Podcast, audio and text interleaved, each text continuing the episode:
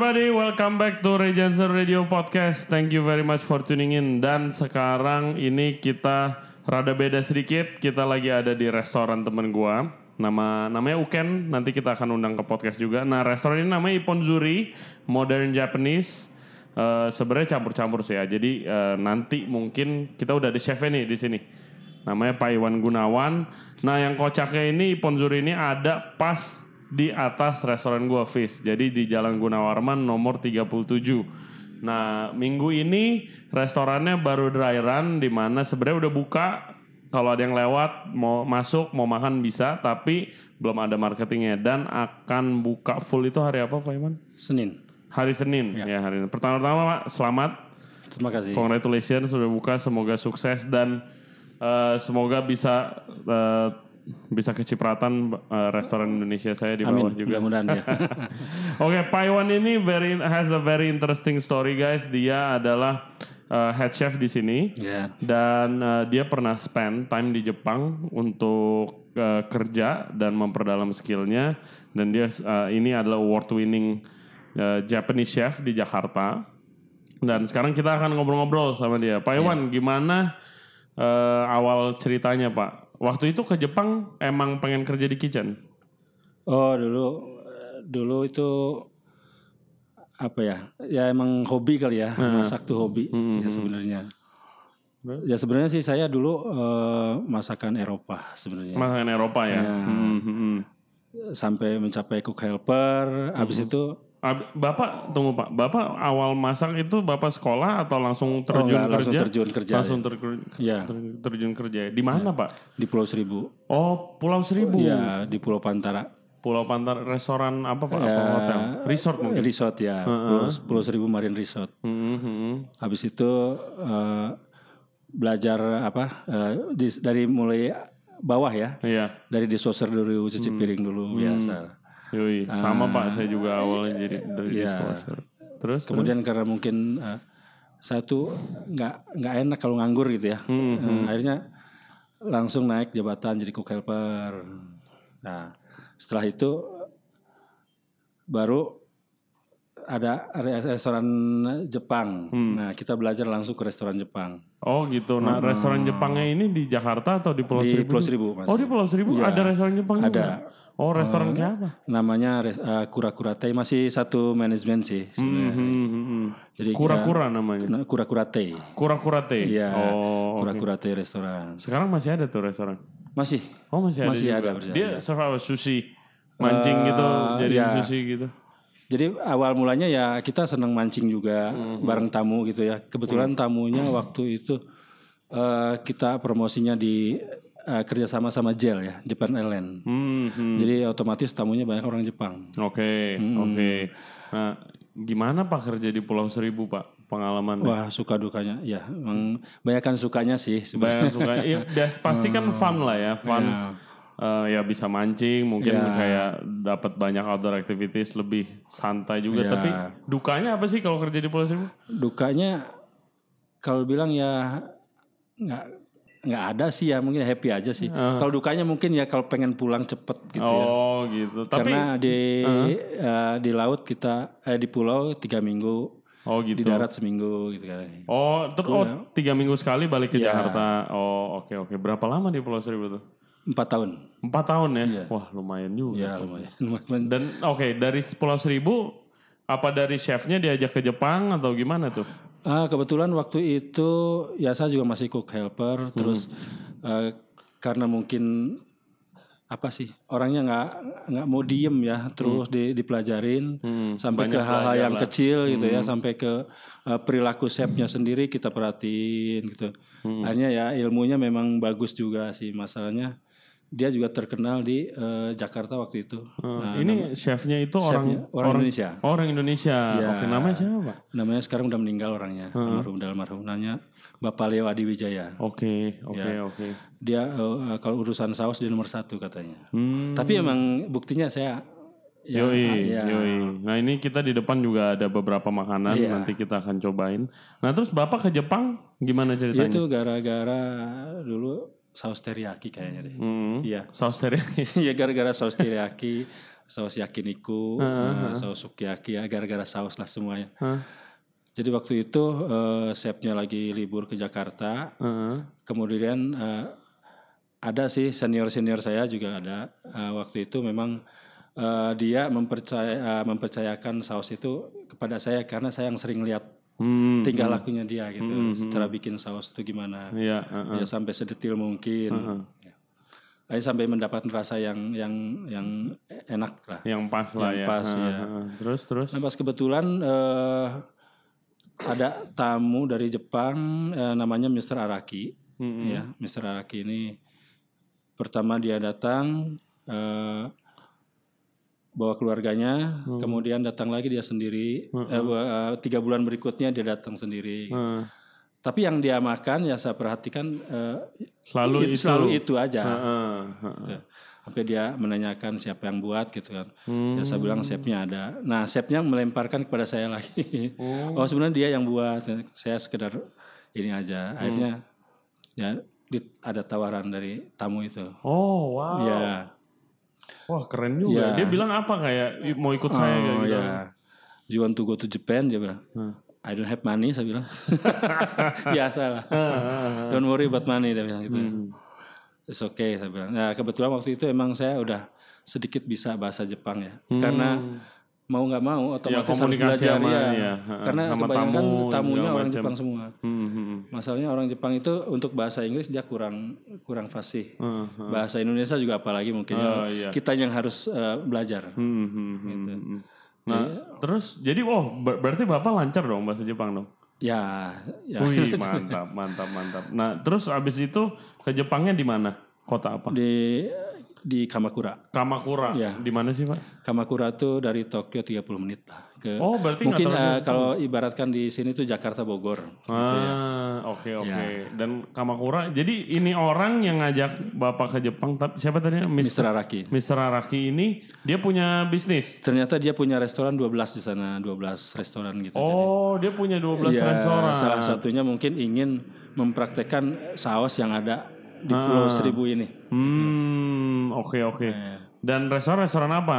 Ya di sana restoran Kaiseki sebenarnya sih. Oh, restoran Kaiseki. Kaiseki, 12 12 ya? Enggak, yang eh, Oh, yang Bapak kerja yang, restoran yang, saya, yang saya Kaiseki. kerja pertama restoran Kaiseki, Hmm, kemudian saya dipindah lagi ke Yokohama oke. ke eh, restorannya dia ke izakaya restoran. Nah, wah, oke, guys, Hmm. eh, ini lumayan crazy, gila banget dan keren. Eh, Pak Iwan ini masak kaiseki. Yang belum tahu kaiseki itu masakan yang eh, selalu mengikuti musim kan, dan Iya, dia course meal. Hmm. Rasanya itu sangat subtle, tapi kalau kalian Google atau di Instagram itu susahnya setengah mati itu masak Iya, kaiseki. Biasanya orang-orang yang ya belajarnya bisa belasan mungkin Ya, puluhan tahun. betul. Ya, karena Kaiseki ini karena makanan raja kan Iya, katanya betul. kan, iya. Cara makan raja. Gimana Pak masak kaiseki? Bapak nggak nggak kaget waktu Ya. lihat itu? Sebenarnya saya minta dari eh, bawah dulu, misalnya dari Hmm. eh, helper, ya. helper eh, menyiapkan sesuatu, misalnya bikin ada namanya ikan gindara, Hmm. itu gindara namanya gindara saikyoyaki, saikyoyaki direndam pakai miso gitu. Hmm. Itu saya sebelum hafal itu se- latihannya tiga bulan itu, Oke. Ah, itu aja kerjanya.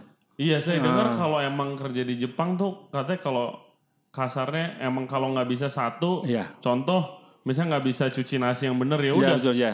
Mau 10 tahun 10 tahun tuh Iya, betul. sampai bener gitu Iya. ya. Dan itu tiga bulan Tiga bulan saya, iya. ikan itu. Iya. Dikasih masak Pak awal-awal. Awalnya ya prepare aja sih, Oh, prepare aja ya. Kemudian eh, kita ningkat ke apa morizuke namanya menyusun makanannya itu. Hmm. Itu yang paling yang paling penting sebenarnya sih. Iya, kalau Iya. iya nanti kita share juga fotonya Kaiseki kan selalu cantik sekali kan Iya, potongannya diaturnya. Ah ya, gila sih. Iya. Keren sih, Pak. Oke, oke. Dan terus eh, abis itu pindah ke izakaya. Izakaya. Oke. Ah, terus juga dia ah, Mr. Araki ini ingin membuka restoran Bali katanya. Oh gitu. Iya. Kita eh, Hmm. di Roponggi kita buka restoran Bali. Ya kita eh, apa hire juga krunya dari Bali. Gimana eh, gimana market Jepang terhadap makanan Bali, Pak? Ya mungkin udah mereka yang taunya dia cuma Bali gitu ya. Jadi udah udah udah. Oh, biasa Oh, oke. ya, orang oke. Jepang itu. Oh, dan Bapak lima tahun terakhir tuh Bapak megang restoran yang mana? Eh, restoran di Kurihama. Jadi eh, setelah sebelum lima tahun, pas menginjak empat tahun sih, saya mengundurkan diri dari Mr. Araki. Oh. Ya karena eh, saya, saya ingin pulang, saya bilang gitu. Hmm, hmm, hmm. Pas waktu itu eh, teman saya, chefnya, jangan pulang dulu. Tunggu nih ada restoran bagus lagi katanya. Hmm. Jadi eh, chef saya eh, Mr.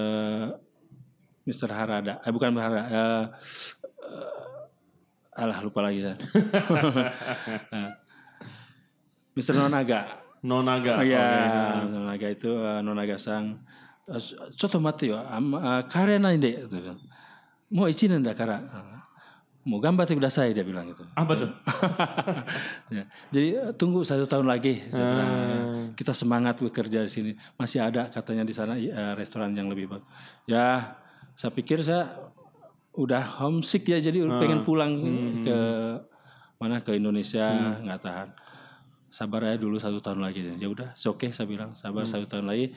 Eh, saya pindah bersama Sep Hara- eh, Nonaga ini ke Kurihama. Kurihama. Ya, itu eh, eh, di bawahnya Kaiseki sebenarnya. Ah. Tapi masih masih jenis Kaiseki tapi re- eh, tingkatnya agak di bawah gitu. Oh gitu. Ya. Oke. Di- Jadi, di, eh, di kota mana Pak? Di Kurihama itu eh, agak dari Kamakura agak ke sana jadi Oh. ada ada pulau juga namanya Enoshima di situ ya. Hmm. Jadi eh, dari Kuri eh, dari Kurihama cuma 10 menit naik Oke. boat. Oke. Nah, Kurihama ini eh, dia st- kota, tapi dia style makanan yang di bawah Kaiseki juga gitu. Ya, Oke. eh, jadi, eh, kampung lah ya, lebih kampung. Oh, oke oke oke. Dan di sana setahun tuh jadi. Oh ya, jadi eh, kalau itu memang benar-benar fresh, ya artinya eh, kita nyerok ikan nyerok ikan dulu kalau ada pesanan ikan ikan fresh gitu, kita serok dulu ikannya. Wah, gila sih. Iya. Wah, boleh Pak nanti kalau Ah. habis podcast ini kalau ada Bapak foto-foto pada zaman itu share biar orang-orang pada tahu juga. Tapi mungkin yang waktu masaknya nggak ada sih. Oh Ya, iya, iya. Kita nggak pernah eh, Ya belum orang belum ya. mungkin belum pegang handphone, pakai Iya. kamera semua pada zaman. Dan oke, terus Paling Bapak ada yang lagi main salju, main ski kita ada sih. Oh iya, Bapak main ski juga tuh. Ya dulu sekali sih. Oh, mantap, mantap. Dan eh, Bapak balik terus Bapak pernah udah ya sekarang kan Bapak udah jadi salah satu Japanese chef yang paling senior di sini kan gitu. Nah, begitu Pak, sebenarnya banyak nggak sih Pak orang Indonesia yang kerja di sana? Eh, Yang- Untuk di bidang masakan mungkin masih jarang waktu itu Masih ya. jarang ya? Iya.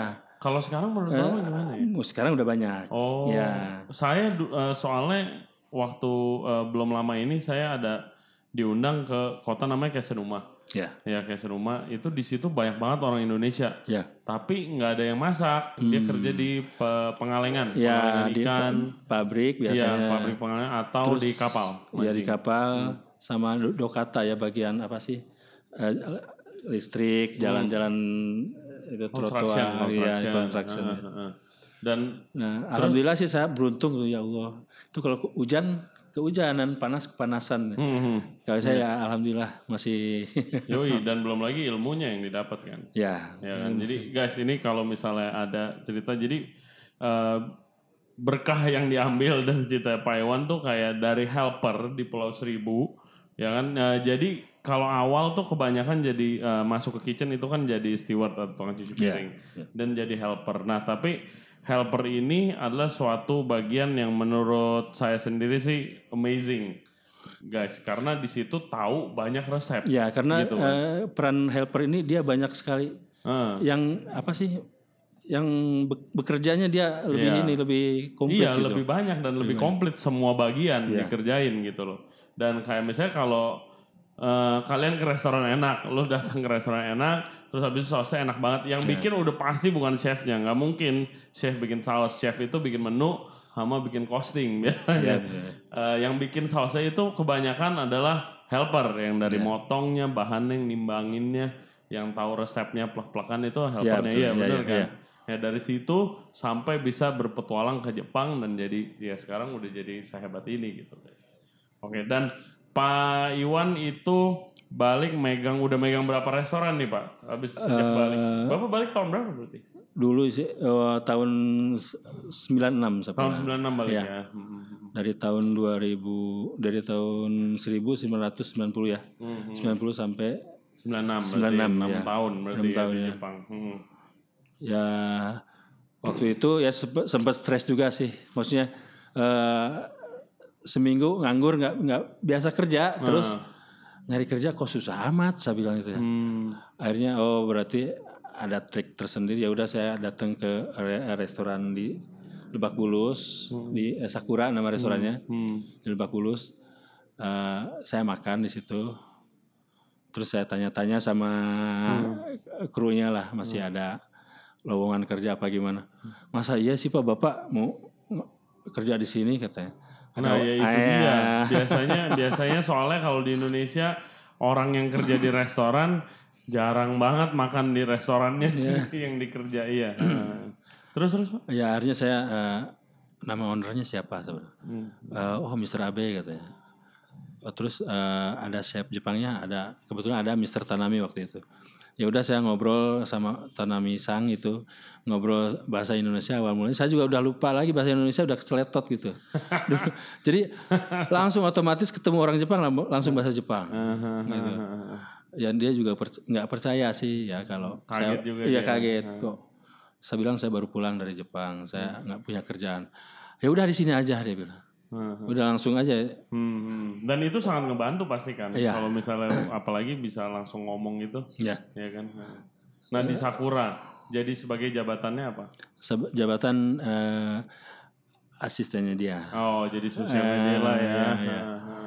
Dan Sakura ini saya saya dengar katanya restoran Jepang yang very very authentic. Ya, Oke, bahannya semua dari sana berarti dong. iya dari Jepang semua. Hmm. Kita bahan dari Jepang. Kebetulan waktu itu eh, saya sempat keluar juga dari Sakura. Saya pernah satu tahun karena boring ya. Ah, Boring tuh karena apa?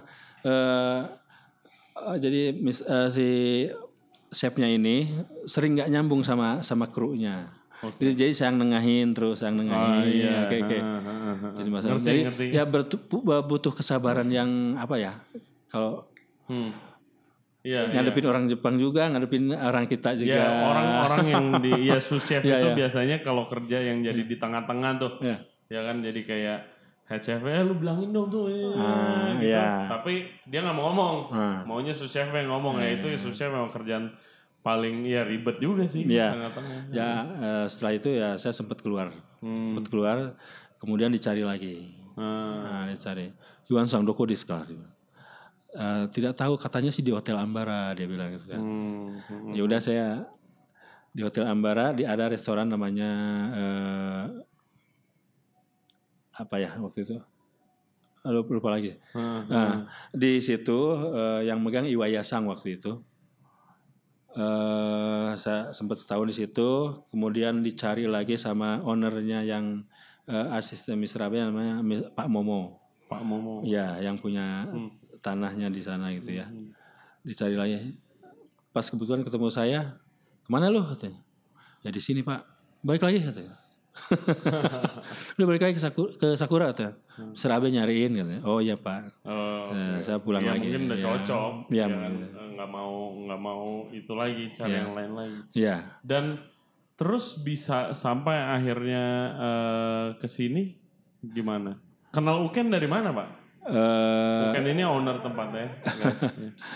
Sebenarnya di eh, dulu kenal Pak Uken itu saya dari Pak Andika sih sebenarnya. Hmm, Kebetulan Pak Andika itu kan eh, tamu loyalnya Sakura ya. Hmm. Jadi ibaratkan dia nggak punya kompor di rumah lah. Oh, oke. Jadi makan siang di situ, makan malam di situ.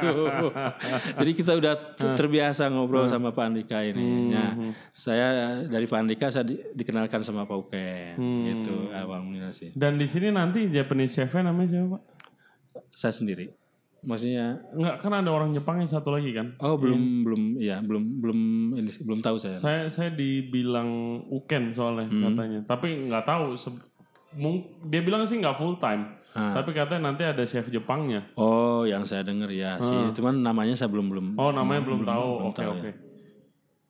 Iya saya juga belum tahu namanya. Makanya saya, saya pikir saya nanya. Oke oke. Dan eh, menurut Bapak Iwan kan eh, dari awal karir sampai eh, udah lama itu masaknya otentik Japanese. Hmm. Ya kan dan di sini di Jakarta itu otentik Japanese biasa harganya mahal. Oh ya, jadi kita yang ngukur juga sih sebenarnya ya, Eh, karena eh, kebetulan kan orang Jepang sudah mungkin eh, bukan berkurang ya artinya ya di Jakarta.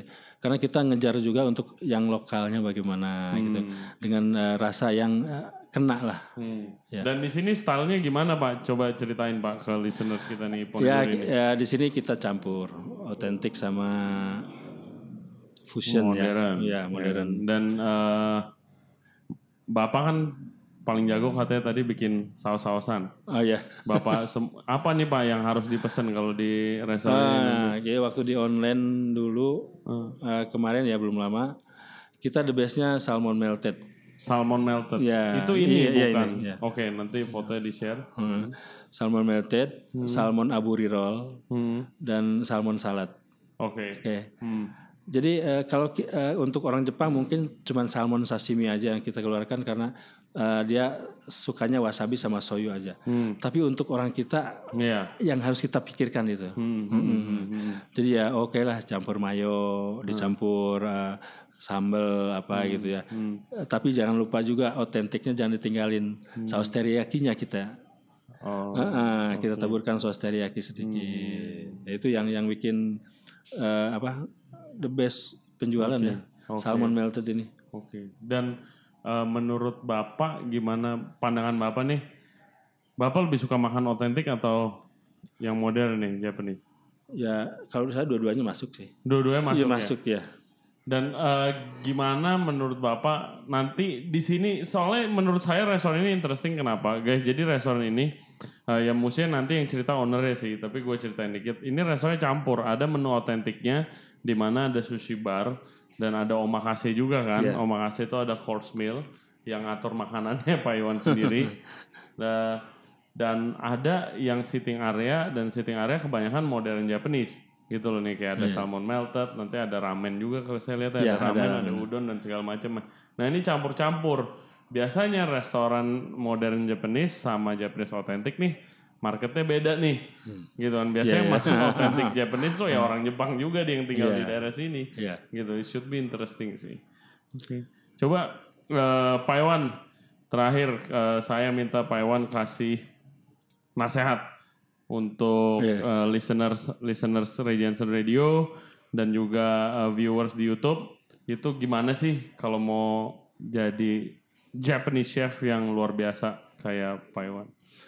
Ya sebenarnya Japanese eh, semua chef ya sama ya dituntutnya masalah kos sih sebenarnya. Hmm. Ya kos dulu yang harus kita pelajarin gitu ya.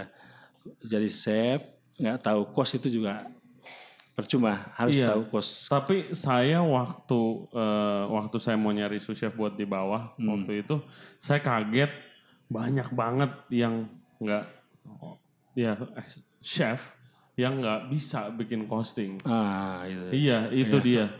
Dan wah itu saya kaget banget. Ya gimana mau jualan kalau misalnya nggak tahu modalnya berapa yang Iya dijual. iya iya. Gimana kalau nggak tahu modal untungnya bagaimana? Iya. Bapak dulu belajar food cost di mana? Ya di Jepang sih. Di. Jepang ya? ya? di Jepang ya sama eh Mister eh, apa ya? Sama Mister Nonaga dulu. Di Nonaga Sang itu ya ngasih tahu tentang kos. Hmm. Ya sebenarnya rinci banget sih nggak usah. Cuman kita ya hitung aja lu punya karyawan segini Iya. gitu kan. Lu harus bayar listrik, lu harus bayar eh, apa? sewa gitu kan. Iya, ya, Ya. itunya beneran juga harus dihitung. Iya. Jangan asal makanan enak gitu. Iya. Yang kayak bisnis restoran ini kan restoran rame belum tentu untung. Iya. Ya kan tergantung. Ya sepi belum tentu rugi juga tergantung gimana kita manage Iya, cash betul, flow-nya iya, kan. Kayak gitu. Dan ada lagi Pak nasihatnya? Ya artinya kita harus kalau mau jadi chef ya harus benar-benar lah belajar dari akarnya. Hmm, Itu aja sih. oke. Ya. Ingat belajar dari akarnya. Pak Iwan, tolong em, eh, bilang ke viewer saya datang ke Iponzuri tapi pakai bahasa Jepang, Pak. Ah. ah, すみません。皆様どうぞあの Ipon Zurini kita kudasai. Anu. Oke, mantap. Terima kasih banyak Domo, Pak Iwan. gozaimasu. Eh, nanti habis ini saya akan makan makanannya. Then thank you very much guys to listening to uh, for listening to our podcast Regency Radio. Thank you. Makasih Pak Iwan. Makasih. Luar biasa pengalamannya. Jangan lupa subscribe guys di Apple Podcast, Google Podcast, Spotify dan uh, di YouTube juga. Dan jangan lupa datang ke Hipon Zuri. Pak Iwan ada Instagram atau website yang mau di-share yang kalau dia mau lihat Pak Iwan di? Instagram, Facebook apa ada? Instagramnya apa Pak Iwan? Iwan Gunawan. Iwan Gunawan. Oke, thank you very much. Terima kasih. And apa arigatou gozaimasu. Domo arigatou gozaimasu. thank you. Bye bye. Bye bye.